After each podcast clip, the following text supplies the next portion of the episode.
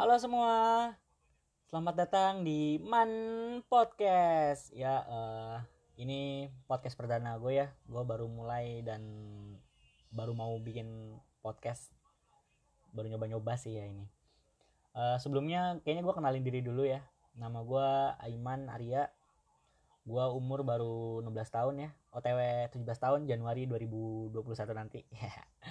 Eh, gue itu sekolah di SMA Negeri 76 Jakarta ya di Cakung Jakarta Timur. Nah eh, jadi podcast untuk podcast pertama gue ini gue bakal collab nih sama teman-teman sekolah gue, teman-teman satu angkatan. Kita bakal ngebahas tentang COVID, lalu eh, mengenai pramuka juga gitu kan. Pokoknya eh, didengerin aja ya, stay tune. Ntar saya hai gitu. Ya, kayak tadi gue udah bilang ya di awal tadi, kalau gue untuk podcast pertama kalinya nih bakal collab sama teman-teman gue. Yang pertama itu ada Cristiano ya. Ano, mana suaranya Ano? Halo. Lalu yang kedua ada Raka ya. Rak, suaranya. Halo, halo. Kopi luwak nyaman Yang bilang. terakhir ada si Rangga nih. Rang, suaranya Rang. Halo, salam animers. Bisa ya lah. Nah, nah untuk eh, podcast pertama kali ini nih kita bakal ngebahas tentang COVID ya. Eh, sebuah pandemi atau sebuah wabah yang sedang terjadi sekarang ini. Awalnya dari Kayak Cina kita ya? ketahui. Ya, ya benar-benar dari Cina. Itu emang duh, ya namanya wabah ya kita nggak tahu kan. Jadi eh, COVID-19 itu tuh eh, adalah singkatan ya. Sebenarnya nama panjangnya itu adalah Coronavirus Disease 19. Nah, 19 itu maksudnya dia mulai mewabah Tahun tuh pada saat akhir akhir nah iya bener akhir 2019 kemarin itu ya Ya, Iya, sekitar Nah, untuk Desember. COVID Desember ya berarti bener-bener akhir tahun dong itu Iya. Kita sudah disambut untuk- dengan virus di pembukaan tahun. dan juga banjir jangan lupa ya Ya banjir. Itu parah itu. Banjir, itu parah. Terus untuk di Indonesia sendiri tuh COVID awal masuk bulan apa sih April bukan Februari, Februari kayaknya. Februari. langsung. Februari ya Iya, Maret. Februari ya? Februari. Ya, betul. yang pertama yang dua orang itu tertular dari orang Jepang itu ya Ya, Ya. dimulai dari tempat hiburan. Ah iya, jadi sebenarnya COVID ini nih yang namanya virus ya itu kan nggak kelihatan dia. Dan yang spesialnya kalau kita bilang dari COVID ini tuh dia satu penularannya cepet, udah gitu dia melalui udara dari droplet cara menyebarnya tuh. Jadi gampang banget orang mau kesebar. Eh, terus untuk kayak vaksin pun ya untuk pemerintah negara kita sendiri Indonesia kan rencananya akhir tahun ini atau bahkan awal tahun 2021 untuk pembagian vaksin. Nah, vaksinnya juga ini eh, nggak semua golongan usia dapat. Kalau nggak salah sih cuma dari usia 19 tahun sampai 50 atau 60 tahun gitu kan. Nah, berarti sini kita jadikan suatu acuan nih. Ya, kayaknya eh, udah biasa ya ngebahas kayak apa sih COVID. Bla. Jadi eh, kita semua pasti udah tahu COVID itu gimana. Nah, yang penting itu sekarang kita tuh eh, lebih harus bisa menjaga diri gitu kan. Kayak ya lakukan aktivitas-aktivitas di rumah. Kita mulai beralih gitu dari aktivitas yang biasa di luar, kita alihkan di dari di rumah gitu. Agar kita mengurangi mobilisasi di luar rumah gitu. Jadi Oh, sini kita kita iya harus memulai sesuatu yang baru gitu. Kenapa Raka? Jadi kita kalau sekarang-sekarang ini kan masih parah ya, mendingan di rumah aja kalau keluar tuh seperlunya aja kalau penting banget baru gitu ya. Nah, kayak misalkan kita mau beli bahan makanan gitu kan atau kebutuhan di rumah gitu. Kalau untuk daerah daerah rumah kalian gimana? Kan kita rumah beda-beda. Eh, untuk Cristiano, eh Ano, Ano, gimana No? Daerah rumah lu? Ya, COVID-nya, kondisinya ya? Kondisinya ya kita boleh kita bilang 50-50 lah. Kadang ada, kadang tidak. Itu ya kita tidak tahu bagaimana keadaan dan kondisi sekarang. Ya, tetaplah jaga kesehatan, melakukan 3M, mencuci tangan, menjaga jarak dan menggunakan masker. Jikapun kita keluar, ya seperti kata Raka tadi, seperlunya saja. Jangan berlebihan. andai kan bosan ya tetaplah di rumah karena eh, dokter-dokter juga berjuang bukan hanya untuk eh, pasien dan itu juga untuk ke kesehatan kita demi kesehatan kita juga. Ya sekian dari saya. Berarti untuk protokol kesehatan sudah dilaksanakan ya untuk di daerah rumah lu ya. Ya sudah pasti. Kalau untuk Raka dan Rangga gimana? Ini kan satu daerah tuh Cakung. Eh, menurut lu berdua, Cakung tuh udah menerapkan belum sih protokol kesehatan itu? Kayak kondisinya gimana gitu? Apalagi kan Kalau- daerah rumah lu kan deket Pasar Kalimalang ya deket sekolah kita. Nah, namanya pasar itu kan tempat terjadinya transaksi gitu. Itu gimana sih Ya. protokolnya? Ya syukur. Alhamdulillah juga untuk daerah Cakung sendiri masih belum ada ancaman apa pun sih. Karena masih belum ada yang terinfeksi juga. Mungkin karena protokol kesehatannya yang mumpuni. Kemudian juga kesadaran masyarakatnya sendiri. Jadi dalam menerapkan Karena- 3M Kalau nggak Cukup. salah sekarang ada ini ada kasus orang tak tak apa namanya tak bergejala gitu. Jadi orang ini ketular ada gejalanya, cuma dia bisa nularin gitu. Itu Ya. kayak. Bro. tapi setidaknya masih aman lah untuk di daerah sini Oh iya, terus yang gue baca itu katanya kalau untuk OTG itu biasanya golongan kayak kita gini tahu kayak remaja dari usia mungkin 17 tahun gitu sampai ya hampir 30 tahun. Katanya sih yang untuk OTG OTG OTG itu tuh rentang usia gitu yang masih banyak Iya. aktivitas di luar gitu. ya susah di di di, di, di terutama sih identifikasinya. untuk kaum lansia itu lebih mudah terinfeksi karena kekebalan tubuhnya berkurang. Iya, dia semakin semakin jadi manusia itu semakin tua eh, kekebalan tubuhnya itu imunnya itu semakin berkurang ya. Iya betul. Iya, kurang lebih begitu. daripada orang yang udah masih bisa berkembang kayaknya imunnya. Berarti dengan adanya pandemi gini, wabah ini gitu, kita sih sebagai manusia harusnya mm, bisa belajar dan harus berorientasi ke masa depan itu. Maksudnya gimana tuh orientasi ke masa depan? Ya kita mulai mengalihkan aktivitas-aktivitas yang biasa kita lakukan di luar rumah gitu. Itu lebih dialihkan ke rumah, terus kita tuh kayak harus bisa melakukan suatu kebiasaan yang baru gitu. Kan kayak Pak Presiden kita, Presiden Jokowi sudah bilang kan, new normal, new normal, new normal. Nah, yang kita maksudkan dengan new normal tuh berarti artinya kita melakukan eh, kebiasaan baru gitu. Eh, dan ya mungkin di depannya hmm, teknologi kita bakal lebih maju pastinya dengan adanya ini. Jadi yang kalau yang gue lihat ya, eh, pandemi ini tuh bukan hanya membawa da- dampak negatif, tapi juga dampak positif gitu. Ya setiap peristiwa pasti ada baik dan buruknya gitu. Terus kalau misalkan gue jadi orang pemerintahan gitu kan, langkah pertama sih sebenarnya bukan kayak eh, apa ya peningkatan ekonomi gitu. Kayaknya nggak usah dulu deh. Maksudnya kita yang penting care ke rakyat dulu gitu. Kalau rakyatnya udah kita layani dengan baik gitu, kesehatannya, misalkan makannya gitu sudah terjamin, ya itu sih udah bagus gitu. Kalau menurut kalian gimana tuh? Kalau misalnya kita cuma pentingin di ekonomi tapi rakyatnya pada mati semua susah lah, nggak ada yang jalanin ekonomi tahu. Mendingan kita pentingin rakyat dulu. Kalau ada rakyat kan ada ekonomi, nggak ada rakyat ekonomi nggak bakal ada. Nah, Ekonomi bener sih itu. Ya, terutama untuk menghindari kelaparan ya. Jadi pemerintah itu harusnya membagi-bagikan makanan, mau kaya atau miskin bagiin aja. Karena kan walaupun orang yang terlihat kaya juga mereka pasti punya kesulitan ekonomi tersendiri. Ya, contohnya kayak ada gangguan di dalam ekonomi tempat kerjanya gitu. Dan dia juga nggak selalu sejahtera hidupnya walaupun terlihat seperti orang kaya. Eh, oh iya, terus katanya imun itu juga bakal ada kalau misalkan nutrisi kita terpenuhi gitu ya.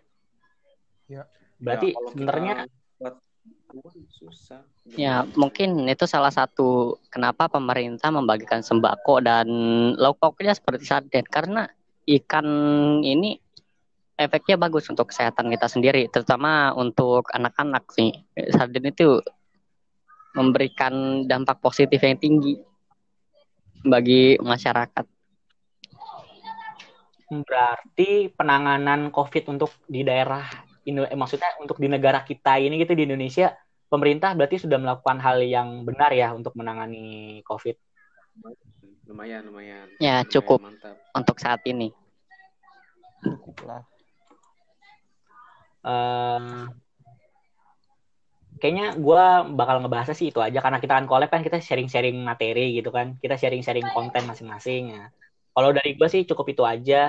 Yang penting kita tahu gitu loh eh, COVID ini apa, pencegahannya kita kayak gimana dan apa yang kita harus lakukan itu yaitu tentunya ya kita jaga protokol kesehatan dan kita berorientasi ke masa depan. Tetap berkarya walaupun kita di rumah. Itu aja sih gue. Eh, untuk yang lain nih gimana? Ada yang mau nambahin atau Rangga mau bahas materi apa? Kita kan Ya, selanjutnya untuk saya, ya saya juga akan membahas tentang kinerja menteri kita dalam menghadapi COVID-19 sih. Ya, seperti yang kita tahu, Menteri Kesehatan kita yaitu Menteri Tewa, Terawan menjadi buah bibir dalam kasus penanganan COVID-19. Karena hampir tujuh bulan ini, pandemi corona belum berakhir sejak penemuan kasus di Depok. Nah, beragam kebijakannya itu disorot oleh media-media asing. Contohnya di Asia Times yang mempertanyakan kenapa Joko Widodo tetap mempercayakan Menteri Kesehatan Terawan yang dari awal sudah menyepelekan ancaman virus corona ini gitu. Kemudian juga di dalam sebuah artikel di yang berjudul pria yang paling bertanggung jawab atas krisis COVID-19 di Indonesia, Asia Times bahkan menyatakan juga bahwa Terawan gagal dengan caption yang berjudul Menteri Kesehatan Indonesia Terawan Agus Putranto sebagian besar telah gagal menghadapi epidemi COVID-19 di Indonesia. Nah, sebelum lanjut ke materi selanjutnya, jadi menurut kalian ini gimana untuk menteri kita, Menteri Kesehatan Indonesia? Eh, kalau gue ya, Bisa diberikan ya. masukan saran? Ya, gue sih silakan. bisa ngambil kesimpulan hmm, mungkin ya sebagian orang tuh pasti berpikir bahwa hmm, Menteri Kesehatan kita ini agak terlambat ya menangani COVID ini. Bahkan kan waktu pas awal-awal kasus COVID ini ada di Indonesia gitu, Pak Terawan tuh Menteri kita seakan dia tuh eh, kayak menyepelekan gitu kan banyak eh, kata-kata dia yang menjadi sorotan media-media bahkan semua orang di Indonesia gitu yang menyatakan eh, eh, kalimat itu tuh kayak menyatakan bahwa Pak Terawan tuh sangat menyepelekan COVID gitu. Jadi itu yang menjadi langkah awal penanganan di Indonesia tuh telat. Akhirnya kan eh, kasusnya jadi meningkat, meningkat, meningkat, meningkat, meningkat. Dan ya sekarang ya makin banyak gitu. Kalau menurut gue sih kayak gitu mungkin ya. Kalau dari pandangan masyarakat, ya, yang lain gimana? Kalau gue sih iya, sebenarnya si Terawan ini kan kayak kayak, kata lo tuh menyepelekan. Banyak terus juga banyak yang bilang kan kalau apa masuk juga. Terus juga nggak cuma Terawan sih, masyarakat Indonesia juga banyak yang nyepelein masalah ini. Akhirnya kan pas jadi kayak gini nyalainnya siapa? Terawannya juga. Sebenarnya masyarakat juga banyak yang nyepelein COVID ini sampai sekarang pun juga ada kalau kata gue sih gitu jadi nggak cuma terawannya doang cuma masyarakat juga ada yang nyepot gini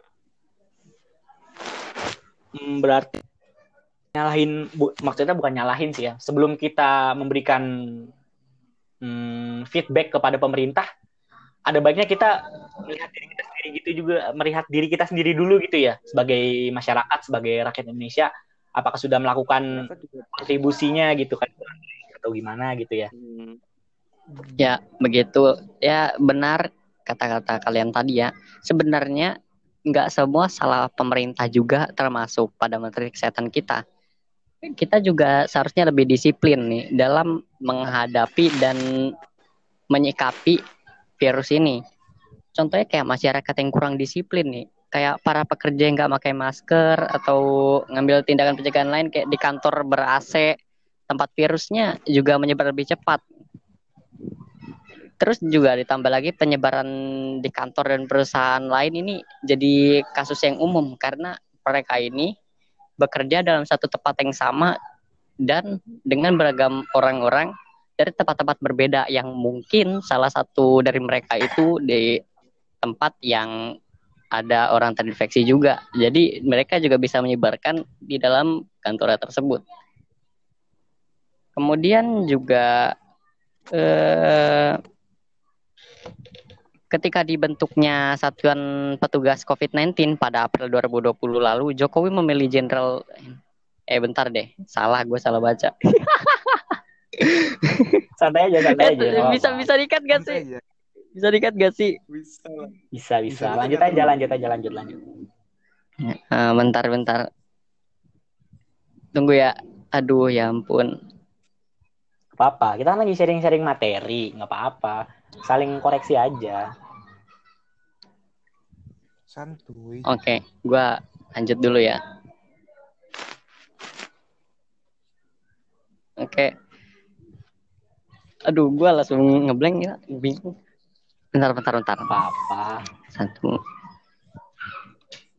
Nah, kemudian karena kurangnya kedisiplinan masyarakat ini yang justru berdampak pada menteri kita sendiri.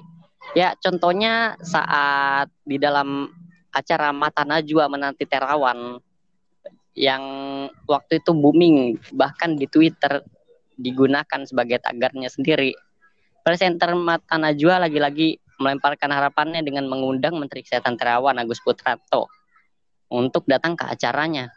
Nah, di sini Najwa sendiri yang sedang eh, berdiskusi dengan kursi kosong karena Menteri Kesehatan Terawan itu tidak datang dan berharap bisa duduk di sana dan berbincang.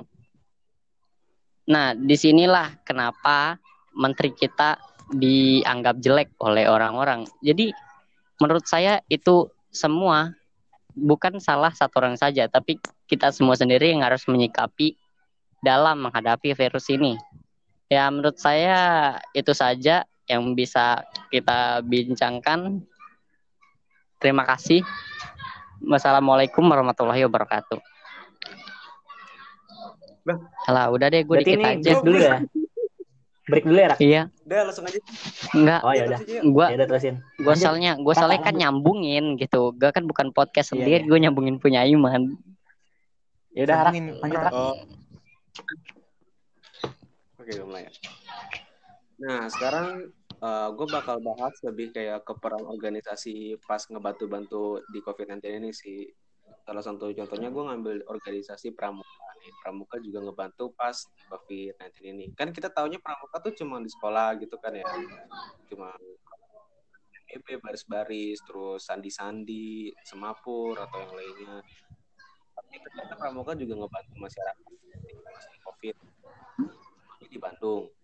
Eh, Wali Kota Daniel mengatakan peringatan Hari Pramuka tahun 2020 harus untuk meningkatkan peran di masyarakat, terutama dalam COVID-19. Semangat gotong royong Pramuka Kota Bandung harus bisa memberi manfaat bagi hal yang pas di upacara peringatan Hari Pramuka di Taman Pramuka, Jalan Laksamana Laut, Jumat 14 Agustus 10 ternyata ini juga bantu-bantu masyarakat eh, di bisa tuh buat apa namanya kayak pembagi-bagian HP, habis itu hand sanitizer, habis itu juga itu juga bagi bantuan pangan gitu. Di tempat-tempat kalian ada yang ini nggak organisasi yang bagi-bagi makanan atau bantu-bantu gitu? Hmm, kalau gua sih apa tuh? Ya bagi-bagi sembako. berbagi sembako gitu. Ya kalau untuk daerah sini ya sebenarnya pemerintah sudah memberikan bantuannya dengan baik. Ya mereka menyalurkannya melalui RT. Nah, seperti RT 9 di Cakung ini mereka membagikannya kepada masyarakat dengan mendata masyarakat itu sendiri per kepala keluarga dengan kakak. Jadi eh, bantuannya lebih tepat untuk setiap keluarga yang ada di sini gitu.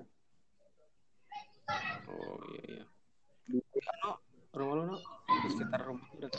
Kalau rumah gue sih sama kayak tadi dibagi sembako tapi dalam bentuk yang pertama itu dari truk lah truk itu dari kardus jadi setiap Hmm. kardus itu terbagi dari minyak goreng gula tepung sarden jadi nanti dibagi-bagi setiap eh, kepala rumah tangga atau setiap rumah kalau gue sih pernah sekitar ya sarden minyak gula tepung lah ya Oh, ya pokoknya sembako gitu ya. Sembako, ya. bahan-bahan. Kalau di rumah lu man? Kalau di Gimana? daerah rumah gue sih sebenarnya sama gitu ya. Yang gue lihat langsung gitu tuh kayak dari pemerintah tetap melalui ketua RT atau RW gitu kan. Cuma kalau yang organisasi gitu di rumah gue sih kayaknya belum ada. Mungkin nanti ke depannya bakal ada. Cuma kalau gue yang gue lihat di TV gitu, eh ya Pramuka salah satu contohnya itu sebagai organisasi. Nah itu juga membagi-bagikan gitu. Jadi sebenarnya eh, kita harus melihat juga bahwa organisasi-organisasi masyarakat pun sebenarnya turut membantu pemerintah gitu untuk menangani COVID ini gitu. Contohnya ya Pramuka tadi. Pramuka tuh sebenarnya bukan hanya kegiatan di sekolah ya menurut gua, tapi dia lebih ke bermasyarakat juga gitu. Contohnya ya itu membantu membagi-membagikan bantuan gitu. Itu sih. Oh, yaudah. Itu juga di Bandung juga apa namanya eh, ada juga dia walaupun kegiatan lapangannya minim tapi mereka tuh eh, tetap memberikan kegiatan virtual buat anggota-anggota kepramukaan gitu terus mereka juga ngedokumentasin kepramukaan mereka terus tinggal ke YouTube jadi walaupun mereka tuh tetap di rumah dia juga dapat materi gitu anggota pramuka jadi padahal eh, kita ini kan lagi covid gini itu tuh si pramuka ini tuh tetap berjalan membantu-membantu juga membagikan materi-materi pramuka tuh kepada anggota-anggotanya lewat YouTube, webinar maupun lainnya. Dan si Edi ini juga dia berencana buat nyiapin inovasi pembuatan kartu anggota berbasis elektronik dan bakal dihimpun datanya itu di aplikasi Ayo Pramuka yang bisa kalian langsung download di Play Store juga ada. Terus juga si Andy mengatakan kita sebelumnya sudah bergerak untuk penanganan COVID ini dengan pembinaan dan edukasi. Mulai dari internal kita yang terdapat 1.166 basis anggota sekitar 40.000 orang. Jadi eh, ternyata anggota pramuka itu lumayan banyak gitu yang bergerak di apa namanya di lapangan untuk membantu masyarakat-masyarakat pas di masa COVID di masa pandemi gini gitu. Ada 40.000 orang sekitar. Dan juga dilansir dari Tempo.co Jakarta, Presiden Jokowi pun juga meminta eh, para pramuka kepramukaan ini untuk berperan dalam membantu masyarakat ini.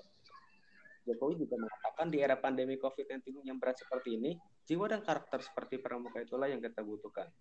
Jokowi mengatakan ini pada saat Hari Pramuka ke-59 tahun 2020 secara virtual di Istana Negara Jakarta Rabu 20 Agustus, Rabu 12 Agustus 2020.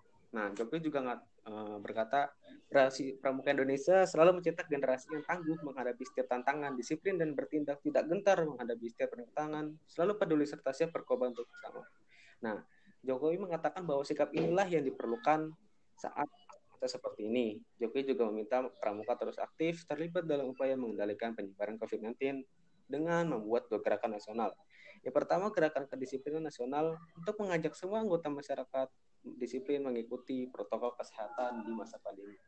Kalau sekitar rumah kalian ini ya udah lumayan dijalankan ya protokol kesehatannya dan lumayan banyak yang orang pakai masker gitu ya. Eh, ada juga sih yang eh, bandel ya yang tidak mengikuti protokol kesehatan ya kayak jagoan lah jadi kayak dia lebih tangguh dalam menghadapi covid daripada covid ke dia Nah, Ya bener tuh, ya bener tuh. nah, gitu aja Terus juga Presiden Jokowi yang kedua itu meminta gerakan kepedulian nasional yang mengajak masyarakat untuk saling bantu membantu, saling peduli sama berbagi. Jadi kalau di masa kayak gini tuh Presiden mengharapkan masyarakat tuh saling bantu gitu walaupun masa-masa susah kayak gini. Nah, Jokowi juga mengatakan dua gerakan ini tuh bukan hanya untuk membantu penanganan masalah nasional, tapi juga mengasah jiwa dan karakter kepemimpinan dan dalam memperdalam jiwa pramuka sejati sebagaimana tertuang dalam Dharma Trisatya dan Dasar Dharma Pramuka. Kata Jokowi seperti itu. Di upacara ke-59 sejatinya diperingati setiap 14 Agustus. Namun karena pada saat itu Presiden harus menyampaikan pidato kenegaraan di parlemen, maka peringatan Hari Pramuka dimajukan pada hari Rabu 12 Agustus 2020. Nah, jadi ternyata eh, anggota atau organisasi kepramukaan ini tuh juga berperan dalam membantu masyarakat gitu. perannya pun juga sangat luas dan anggota mereka juga yang bergerak banyak gitu lumayan ada 40 ribu orang cuy nah terus juga Ano lu ada mau ngomong apa gitu tentang pramuka ini kan lumayan berperan penting nih pramuka nih di masa kayak gini nih. Iya, no, boleh tuh kalau ada Oh, ini masukan. gue gue belum Iya, nih. ma- apalah. Sama lah kayak Raka. Belum dapat oh. apa-apa. Tentang ini ya pramuka ini tuh lumayan membantu masyarakat gitu ya saat masa-masa pandemi kayak gini. Kalau di tempat gua sih pramuka belum kelihatan lah masih eh, dari pemerintah saja kalau pramuka belum aktif dalam lingkungan eh, gua Oh iya, gue juga belum ada sih baru kayak uh, di RT dari RW gitu. Cuma gue ngeliat dari foto orang gitu ya, foto anak-anak pramuka gitu. Mereka tuh kayak ngebantu-bantunya uh, langsung gitu, langsung datang ke rumah gitu, nggak kayak lewat apa namanya lewat RT gitu. mungkin langsung- mereka membantu kan eh, Iya. langsung dari pemerintahnya. Jadi kita tidak tahu eh, bantuan tersebut eh, ada juga dari pramuka dan juga dari pemerintah. Iya, mungkin kayak- itulah mereka tuh ini apa namanya langsung apa namanya langsung ngasih gitu loh. Kayak langsung datang ke rumah ini pak gitu. Langsung ketemu sama orangnya langsung. Jadi lebih enak gitu ngasihnya lebih bersosialisasi lah dibilang ya bersosialisasi sama orang-orang gitu. Iya, betul. juga juga lumayan mantap sih pramukanya jadi eh, kayaknya kita sampai situ aja ya. Iya, eh, kayaknya udah Iya. cukup nih untuk episode pertama kita. iya. Lumayan lah. Untuk apa kita? Eh, masa depan kita ke dep- untuk ke depannya kita bagaimana? Ya untuk depannya ya ke depannya sih ya kita mungkin lebih harus lebih bijak lah dalam menghadapi suatu keadaan gitu ya kan. Yang belum lagi kita juga harus disiplin pada diri kita sendiri nih, terutama karena kesadaran itu terdapat dari diri kita sendiri, bukan dari orang lain. Jadi kita juga harus bisa menyikapi pada setiap keadaan. Bener Ya, banget tuh. Yaudah, terima kasih buat yang udah denger. Eh, sampai jumpa lagi. Dadah. Ya untuk pendengar Ayo, Man. selamat Dadah. selamat mendengar apa namanya eh, untuk para pendengar ya. Semoga kita dapat berjumpa lagi di kesempatan berikutnya. Kayaknya untuk episode pertama kita sudah cukup ya. Gimana teman-teman? Sudah cukup belum? Ya, ya sudah bisa lah Iya. Sih kayaknya udah panjang deh. Takutnya mereka Ya, Ya, ayo ini kita sama-sama mengucapkan panjang. kita mengucapkan terima kasih sama-sama ya buat para pendengar. Satu, dua, tiga. Makasih ya pendengar. terima kasih. terima kasih Dadah. Semoga bisa Thank ketemu you. lagi di segmen berikutnya, episode berikutnya. berikutnya. Arigatou gozaimashita. Arigato Gonzales. Nah, gimana teman-teman Eh, untuk konten gua tadi tuh, konten pertama ya kan, langsung collab sama teman-teman. Ya itu sih sedikit pembahasan kita gitu kan. Ya semoga pendengar bisa mendengarkan suara lagi, mendengarkan suara saya lagi di kesempatan berikutnya, di episode berikutnya. Ya sekian dari saya, Man Podcast. Sampai jumpa lagi nanti.